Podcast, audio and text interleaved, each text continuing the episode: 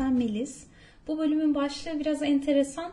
E, büyük ihtimalle iki gruptan birine aitsiniz içinizde ya da belki nötr ortada olabilirsiniz. İlk grup ya bu ne diyor dur şunun ağzının payını bir vereyim açıp şu yayını deyip büyük ihtimalle dinlemeden bile yorum yazacak olan arkadaşlar. Diğer grupta ya ilk defa benim gibi düşünen biri var dur bakayım nasıl destekliyor beni diye dinlemek isteyen arkadaşlar. İkinize de vereceğim bazı mesajlar var naçizane. Umarım e, güzelce toparlayıp anlatabilirsem duygularımı. Bu mevzu aslında e, birkaç senedir kafamda dönüp duran bir tilkiyken artık son 4 yıldır Hollanda'da yaşadığım son 4 yıldır sosyal ve duygusal olarak e, oldukça tecrübe edindim sanırım bu duygum üzerine ve sonunda dile gelmeye karar verdim. Yeterince toparladığımı düşünüyorum bu konuyu kafamda. Ee, öncelikle benim tabanımdan, kim olduğumdan bahsedersem biraz daha şekillendirmek için. Ee, ben yani kendimi ne böyle ağır bir milliyetçi olarak tanımlarım ne çok Avrupa sevdalısı, yabancı millet sevdalısı biri olarak tanımlarım. Yani bununla ilgili bir kimliğim olduğunu düşünmüyorum. Güzel olan, iyi olan şeylerin yanında olan bir insanım. E, bir yandan bakınca da dünya vatandaşlığına inanan bir insanım. Hepimiz aynı geminin yolcusuyuz. Herkes hani inanıyorsanız işte Yaradan'ın yarattığı varlıklar, inanmıyorsanız hepimiz birer insanız. Doğanın e, çocuklarıyız. Hani felsefik olarak bunu söyleyebilirim. Birbirimizden çok farklı üstün aşağıda yukarıda olduğumuzu düşünmüyorum. Hiçbir zaman da öyle bir şeyim yoktu. Böyle bir insanım yani gayet ortada bir insanım kısacası. Ve dediğim gibi son e, 4 yıldır Hollanda'da yaşıyorum. Burada eğitim gördüğüm oldu. Hastanede işim düştüğüm, hastanede vakit geçirdiğim, o sistemi tanıdığım zamanlar oldu. İş hayatında bulundum. E, sosyal arkadaşlıklar kurdum Hollandalılarla, yabancılarla vesaire. Birçok yönden yabancı bir ülkede yaşamanın, yabancı olarak yaşamanın e, birçok farklı duygusunu tattım diyebilirim. Biraz şeyin farklı olduğunu söyleyeyim. Özellikle işte YouTube'da da farklı videoların yorumlarında görüyorum. Yurt dışında yaşamamış ya da kalıcı olarak yaşamamış. Yani misal Erasmus'a gelip 3-4 ay sonra döneceğinizi bilerek yaşamak çok farklı bir psikoloji. Ve artık hayatınızı burada idame ettireceksiniz diye hani sonsuza kadar en az 10 sene atıyorum kalacağınızı bilmek ya da ne zaman döneceğinizi bilmemek çok çok farklı bir psikoloji ve kesinlikle sizi e, dönüştürüyor. Çok fazla dönüştürüyor hem de. Sürekli bir mücadele halindesiniz çünkü. Markete gidip bir şey almak bile bazen bir mücadele oluyor. Sıkıntılı bir şey olmak zorunda değil mücadele ama kendi vatanınızda, kendi dilinizin konuşulduğu yerde falan yaşadığınız gibi e, rahat olmuyor bazı şeyler. Bundan keyif de alabilirsiniz. Olabilir ama hep bir e, challenge var. Meşhur değişin bahsettiği üzere. E, burada seneler önce bir arkadaşımdan bir laf duymuştum. Bu başlık aslında oradan geldi aklıma. Böyle bir işte e, Türklere karşı olan ön yargılardan edilen laflardan falan yurt dışında demişti ki ya Türklükten istifa etmek istiyorum artık. İstemiyorum Türk olmak. Bunu ben seçmedim. Niye bütün bu sıkıntısını ben çekiyorum? Hani onların sandığı gibi bir insan olmadığım halde falan gibi bir şey demişti. Oradan bu konu aklımda kaldı. Öncelikle ben kendi içimde otomatik olarak bir düşünceyi birini yargılasam da e, bunu çok ifade eden bir insan değilim uzun süredir. Yani çok benim haddimi olmadığını düşünüyorum. Ya sen yanlış yapıyorsun, yapma, etme, şöyle yap, benim düşündüğüm gibi yap falan demeye e, çok şey bulmuyorum artık kendimde. O yanım törpülendi benim. Dolayısıyla bu konuşmayı çok sakin, sizin de mümkünse aklınızın, zihninizin kapılarını açarak sakince dinlemenizi, düşünmenizi istediğim e, bir üslupla yapıyorum bir istekle bir mesaj verme kaygısı güderek yapıyorum bu konuşmayı aslında. E, yurt dışında yaşadığınız zaman belki farklılaşabilir hani farklı insanlarda ama ben birçok e, farklı dini görüş, sosyal görüş, politik görüşten olan insanlarda hep aynı şeyi gözlemliyorum burada. Türklerden bahsediyorum. Buradaki arkadaşlarımda. Öyle bir şey ki dediğim gibi değişiyorsunuz yurt dışında Ve mesela bende şey oluyordu. Daha çok Türkçe şarkı dinlemeye başlıyordum. Daha çok Türk yemeklerini özlüyordum. Türk marketine gittiğinizde kendinizi iyi hissediyorsunuz. Hani bunun koyu bir milliyetçilikle alakası yok ama alışkın olduğunuz şeyleri özlüyorsunuz. Dolayısıyla o YouTube'da işte birçok videonun altında gördüğüm yorumlarda bu tecrübeyi yaşamamış, yurt dışında uzunca süre kalmamış insanların biraz hani e, davulun sesi uzaktan hoş gelir durumunun olduğunu görüyorum. Bunu sadece kendi tecrübeme göre de yargılamıyorum. Ama bunca yıldır birçok arkadaşın, eşin, dostun tecrübelerine de, hislerine de, sohbetlerimize de dayanarak böyle bir sonuç çıkardım. Sanırım 4 sene bunun için yeterli aşağı yukarı. Ee, biraz dediğim gibi dışarıdan bakıldığı zaman daha farklı işler içeride daha farklı. Kimileri negatif anlamda, kimileri pozitif anlamda. Ee, konuya gelirsem, şimdi açık konuşmak gerekirse Avrupa'da bir sürü sebepten yani onlar şimdi hiç politik ya da ne bileyim can sıkıcı konulara girmeyelim. Birçok sebepten e, Türkiye Türkler dendiğinde çok şahane bir imajımız yok. İnsanlar da genelde uluslararası da böyle kötü şeyleri, negatif şeyleri daha çok akılda tutuyorlar. Hollandalıların bizimle ilgili bildiği en iyi şey e, işte Antalya'ya, Marmaris'e falan çok tatile gidiyorlar. Oraları biliyorlar. Tatil yerlerimizden haberdarlar. Bir de belki biraz mutfağımızla ilgili her ne kadar çoğu kebaptan ibaret sansa da onunla ilgili biraz biliyorlar. Yine daha önce de bir konuşmada belirttiğim gibi e, bunda doğru yanlış iyi kötü yok ama 30-40 sene önce buraya gelip yerleşmiş Türklerle son zamanlarda işte işle güçle 5 sene önce gelmiş insanların genelde hayat görüşleri ve yaşayışları çok farklı. Anlamak ve hak vermek farklı şeyler olsa da e, ben şahsen yakından da gördüğümde anladığımda hani 40 sene önce gelen insanların reflekslerini anlıyorum. Tekrar ediyorum hiç eleştirmek benim derdim değil şu anda. Anlıyorum ama daha farklılar. E, endişeleri daha farklı, önem verdikleri şeyler daha farklı. Tabii ki genelleyemem. Hani anlıyorsunuz ne demek istediğimi. Ama büyük ölçüde e, çok iletişim kuramıyoruz e, daha önce gelmiş insanlarla. Onların hasretleri daha farklı. Genelde gelen kişiler zorunluluktan gelmiş, isteyerek gelmemiş. Dolayısıyla zaten bir duvar örülerek psikolojik olarak gelinmiş. Öyle de yürümüş gitmiş. Her neyse. E, tabii ki yurt dışındaki insanlar da hani Türkiye deyince sadece o profili, sadece o profilin endişelerini, isteklerini, yaşayışlarını benimseyip öyle tanıyorlar.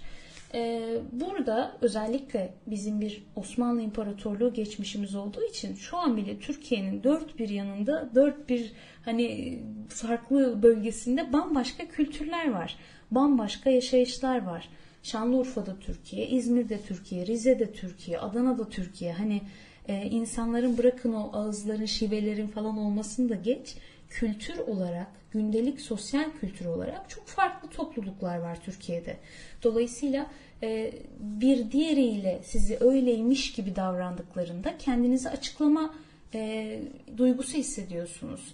Mesela en basitinden işte Türkiye'nin bazı bölgelerinde kuzenler arası evlilik normalken bazı bölgelerinde kuzenini kardeşi olarak görür insan ve hani krizlere girer. Ne diyorsun sen? Bu nasıl mümkün olabilir diye. Biz aynı ülkenin insanıyız. Belki iki tarafta Türk yani. Hani kendi aramızda bile e, bunları yaşarken yurt dışında tek bir profilin tanınması tabii ki kendimizi düzeltme isteği doğuruyor.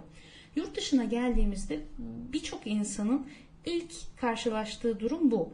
Kanıtlama hali. Yo yo ben öyle değilim. Ben sandığın gibi değilim. İşte biri çok rahat işte cool olmaya çalışarak bir Hollandalı mesela size bir şey soruyor. Atıyorum diyor ki ya siz de kuzenler evleniyorsunuz değil mi? Sizin böyle beyninize vuruyor mesela kültürünüzde öyle bir şey yoksa. Yani ne diyorsun? Hani kanıtlamaya çalışıyorsun, anlatıyorsun vesaire. Bir süre sonra bende en azından öyle oldu.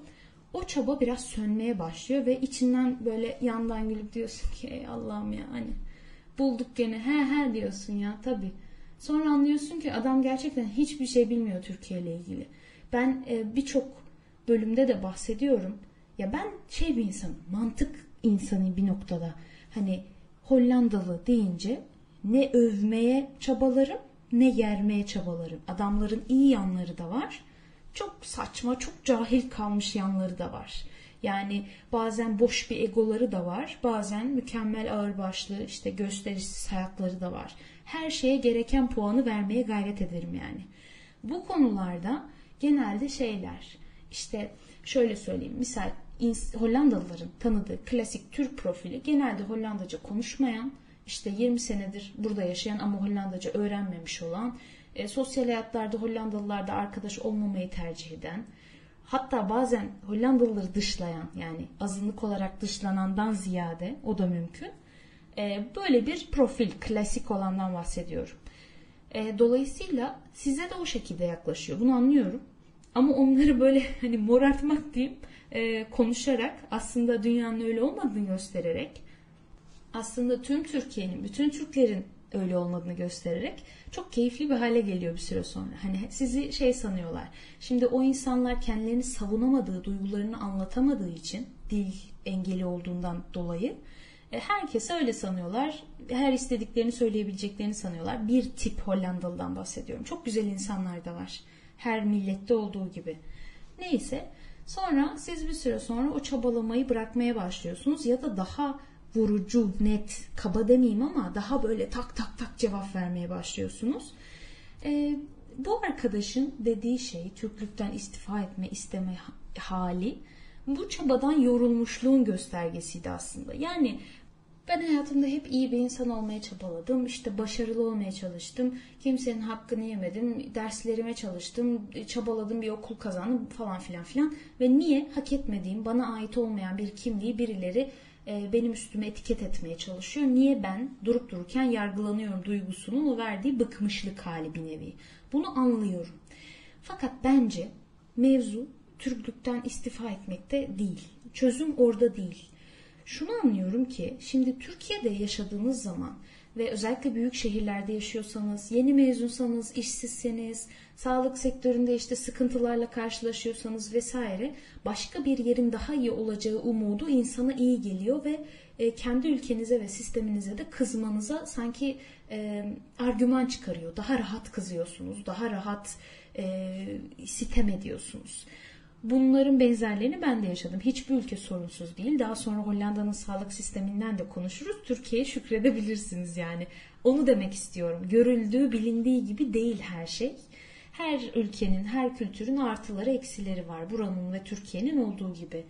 E, fakat öyle bir durum oluyor ki dışarıda yaşadığınızda hem kendi ülkenize de iyisiyle kötüsüyle dışarıdan bakıp yorumlamaya e, fırsatına sahip oluyorsunuz. Hem de aslında ne kadar haksız yere bazı şeyleri hırpalamışım ülkemle ilgili duygusu geliyor. İki tarafı da bizzat yaşadığınız zaman bazı düşünceleriniz değişiyor. O yüzden diyorum birçok yorumda görüyorum insanların davulun sesi uzaktan hoş gelir. Sanki Türkiye'den çıkıp başka ülkeye yerleşsem her şey şahane film gibi olacak. Hayatım günlük gülistanlık olacak duygusu oluyor ama pek öyle olmuyor.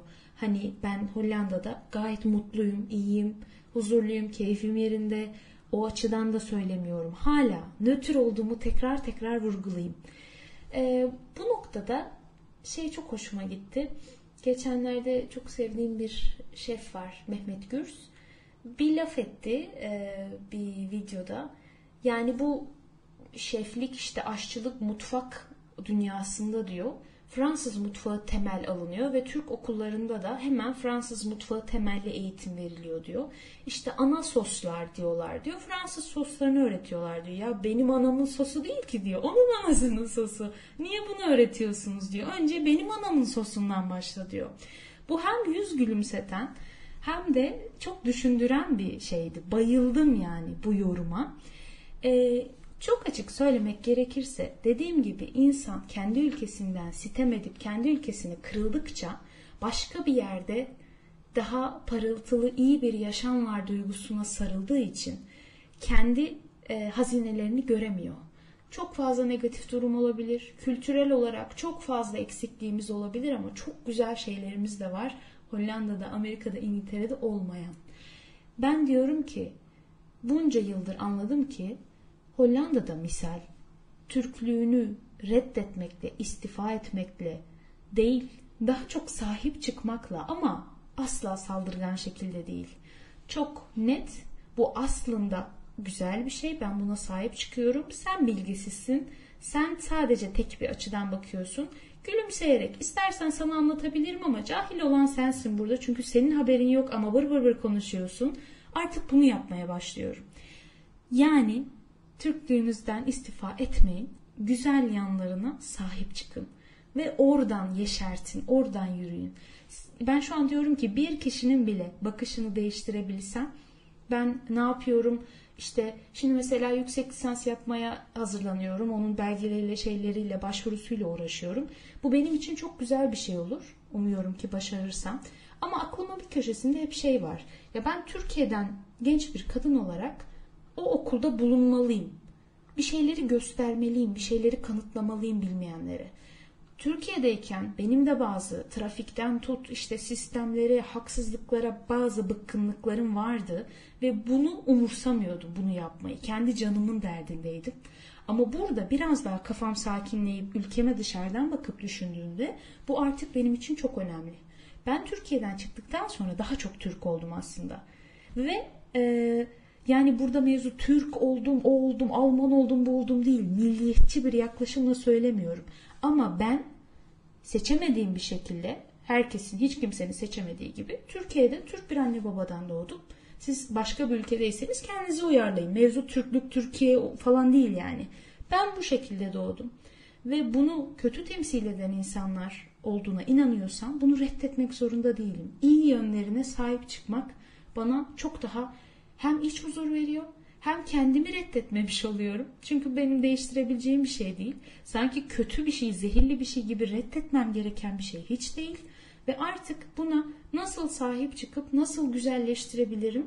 İnsanlara nasıl kendim örnek olarak öğretir gösteririm? Bunun derdindeyim ve bu bana çok iyi geliyor. Üstelik göreceksiniz ki bunu yapmaya başladıktan sonra yabancı insanlar hani yurt dışında yaşayanlar için en azından söylüyorum size bir noktada daha çok saygı duymaya başlıyor. Çünkü varlığına sahip çıkmak aslında her zaman saygın bir şeydi. Demek istediğim sizin karşınızda o insana saygınız da düşüyor. İnsan kendini reddediyorsa. Dolayısıyla benim bu konudaki görüşüm asla kendinizi reddetmeyin. Sizin kültürünüzde ya da aynı ırktasınız diye e, size ters gelen ya da tüm dünyaca ahlaksız, yanlış sayılan şeyler yapan insanlar var diye sizin sahayı terk edip gitmeniz, Türklüğünüzden ya da neyseniz ondan istifa edip onu bırakmanız, saklamanız gerekmiyor. Tam tersi daha çok sahip çıkıp güzelliklerinizi göstermek, kanıtlamak ve bence bu benim umurumda insanların fikrini değiştirmek, yanlışlarını düzeltmek için ne yapmanız gerekiyorsa onu oynamanız gerekiyor. Ve tekrar ediyorum bu bir Türklük, işte Almanlık, Yunanlık falan meselesi değil. Bir kişinin varlığını, benliğini reddetmeme meselesi. Tam aksine ona sahip çıkarak güzel yanlarını insanlara sunma meselesi. Siz bunu kendi siz Almansınızdır, Türkçe biliyorsunuzdur, beni dinliyorsunuzdur. Kendinize uygulayın. Biri sizi işte e, çok can sıkıcı, üzücü geçmiş tarihiniz yüzünden bugün sizi kişisel olarak yargılıyorsa dünyaya yaptığınız katkılarla cevap verin gibi. Önemli olan sizsiniz. Sizi tanımadan başka bir şeyle yargılaması kimsenin hiç ne doğru bir şey ne güzel bir şey. Bunu çok yaşayan biri olarak söylüyorum Hollanda'da. Yani Erasmus yaptığım dönemde Etiyopyalı bir e, arkadaş vardı sınıfta. Kendisi ülkesinde üniversitede gazetecilik e, eğitmeniymiş. Profesör müydü vesaire bilmiyorum. Yaşı vardı. Ee, ve şey demişti işte Türkiye biliyorum şunu biliyorum bunu biliyorum bir şeyler söyledi etkilendim yani Etiyopyalı insan Türkiye için bayağı bir şey biliyor. Sonra Arapça konuşuyorsun değil mi dedi çok rahat şekilde. Böyle eskiden olsa buna şey yapıyordum be öf be salak mısınız falan sinirleniyordum hani. Böyle şey yaptım böyle falan yaptım güldüm böyle gözümü devirdim. O kadar dedim gazetecilik eğitmenisin ya. Bu kadar şey biliyorsun Türkiye ile ilgili. Hiç mi görmedim bir şey internette dedim alfabeye dair falan. Hala cevap vermiyorum ama yani. Böyle bir bozuldu. Bir şey bilmemekte sorun yok. Ama iddia etmekte, o cüretkarlıkta sorun var bence hani. Sonra dedim hayır böyle böyle Türkçe kendi alfabemiz var işte Latin alfabesiyle Türkçeyi kullanıyoruz vesaire konuştuk falan. Ama artık o sinirlenme halini bıraktım ve o zaman karşınızdaki insan güya size büyüklük taslamaya niyetlenirken utanan taraf oluyor. Hem de siz kendi varlığına sahip çıkan, gayet bilgili, eğitimli, kendi varlığını çöpe atmayan ama aynı zamanda bir dünya vatandaşı olarak davranan, hayatını e, ırkıyla, diniyle sadece o perspektifte yaşamayan, açık, gayet görgülü, edepli vesaire ama kendi benliğine de sahip çıkan bir insan oluyorsunuz ve bu bence saygıyı hak eden bir şey. Yani işte Avrupa'ya baktığınızda mesela o kadar Avrupa Avrupa diyorsak birçok şey, birçok kültür, birçok ülke önce kendi değerini sunuyor. Bence şu anda şef olmak isteyen bir insanın önce Türk mutfağını çok iyi bilip onu servis etmesi lazım ki bu konuda müthiş bir açık da var. Bütün dünya Türk mutfağını kebaptan, etten falan ibaret sanıyor. O kadar çok bizim geleneksel Ege'miz var, zeytinyağlarımız var, Karadeniz mutfağı var. Hepsi o kadar şahsına münasır, o kadar kıymetli şeyler ki bunları böyle atı verip bir köşeye hani yabancı bir cool diye bir şeye e, bürünmeye çalışmak ya onu da yap. Hani anlatabiliyor muyum? Onu da yap, onu da öğren ama kendininkini bil ya. Önce temeli doldur. Önce altını doldur. Sonra ne istersen onu yap. Neyi seviyorsan onu yap. Sen burada böyle doğdun diye burada kal demiyor kimse. İstediğin yere git. Yani ne bileyim istersen hiç Türkiye'ye dönme 50 yıl başka yerde yaşa. Ne istiyorsan onu yap. Öyle yaşa tabii ki. Ama ne dersiniz yani gerekmez mi insan önce kendi temelini bilsin, tarihini bilsin, ne olduğunu bilsin, ona gelen bir soruya güzelce cevap verebilsin. Hani bazen öyle şeyler oluyor ki Osmanlı tarihi mesela dünyada da ünlü bir tarih. Tarih e, biliminde ünlü bir mevzu aslında. E, birçok insan, birçok yabancı ortalama bir e, Türkiye'de yaşayan bir insanlar çok daha fazla şey biliyor. Ve sizi mesela ben Erasmus'tayken e, Türkiye'nin Avrupa Birliği'ne girme mevzuları çok gündemdeydi. Tekrar gündeme gelmişti. Ve bizi Avrupa Parlamentosu'nda e, bir şeye götürdüler böyle bir oturum gibi orada çalışan Hollandalı insanlarla o büyük masaların etrafında oturduk falan. Benim Türk olduğumu öğrenince çok keyifle işte ne düşünüyorsun, şununla ilgili ne düşünüyorsun, sen nasıl yorumluyorsun diye şey yapıyorlardı. Hani ne mutlu ki biraz bilgim vardı bununla ilgili ve o topu çevirebildim. Ama hani böyle şey olsa ya ben bilmiyorum ki hiç o konularla hani ya sen hayır ya ben yani bak bunu eleştirebilirim. Bileceksin ya önce ne yaptığını, ne olduğunu hani bir haberin olacak en azından. Belki otur her şeyi ezberle çalış demiyorum. İnsanın bu ilgi alanı da olmayabilir. Bununla ilgili bıkkınlığı da anlıyorum. Ama bence insan bir bilmeli. En azından neden ilgilenmediğini anlatabilecek kadar bir birikimi olduğunu göstermeli. Hep bununla karşılaştım ben ve karşılarında geldiği yerle ilgili bilgisi olan bir insanı gördüğünü hep çok takdir edici bakışlarla karşılık verdiği insanlar. Kendi ülkemi de onların gözünde yükselttiğimi düşünüyorum bu şekilde. Ee, böyle ve çok keyifli bir şey anlatarak bitireyim size bunu. Ee, şimdi parlamento deyince aklıma geldi. Bunu ileride bir anı videosu gibi YouTube'a çekip anlatmayı çok istiyorum. Çok keyif alıyorum bunu anlatırken. Şimdi bu parlamentoda bir şeye girdik. İşte Hollandalı birkaç e, kişi böyle bir o dönem 25-26 yaşında iki tane çocuk bir de bayağı yaşlı o bölümün başkanı herhalde Hollandalı bir adam vardı. Avrupa Birliği'nden konuşuyoruz. Şimdi her e, ülkede olduğu gibi bir gıcık Hollandalı tipi de var. Yani onu burada yaşayan insanlara anlatsam anlar. Bakışları bile aynı. Gıcıktır böyle. Sizi terslemeye hazırlanıyordur. Türk olmanızla alakası olabilir, olmayabilir. Onunla e, zıtlaşırsanız belli ki saldıracak. Öyle bir e, mizaç var bazı Hollandalılarda. Türklerde de var bu yani. Irkla alakalı hiçbir eleştirim yok. Tekrar tekrar söylüyorum. Beni tanıyanlar zaten biliyor öyle bir insan olmadığımı. Neyse. Ee, şey konuşuyorduk Avrupa Birliği yine bana söz verildi. Türkiye şöyle mi böyle mi sence girmeli mi Avrupa Birliği'ne neden neden girmemeli vesaire eleştiri istediler iyi ve kötü. Ardından e, şey oldu. O dönem Fas çok fazla Faslı da var Hollanda'da. Fas şey istiyormuş. Avrupa Birliği'ne girmek istiyormuş. Başvuru yapmış ve reddedilmiş. Bu bahsettiğim arkadaş şey yaptı işte mesela Fas Avrupa Birliği'ne başvurdu hani falan küçümseyerek konuşuyor. E, tabii ki reddedildi. Neden dedi böyle. Çünkü Avrupa'da değil dedi böyle hafif gülerek. Sonra benim böyle içime bir şey düştü. Söz aldım. Bir şey sorabilir miyim dedim. Arkadaşa sormak istiyorum. Böyle böyle dediniz değil mi? Avrupa'da değil dediniz. O da çok güzel onayladı. Sizce dedim Kıbrıs Avrupa'da mı? Sizin harita bilginize göre. Ay çocuk bir kızardı, bir kekeledi. O kadar ben utandım yani. O kadar böyle bir de bir Hollandalı kekelemesi vardır. Konuşurken çok kekeler. Bilenler gülecek şimdi.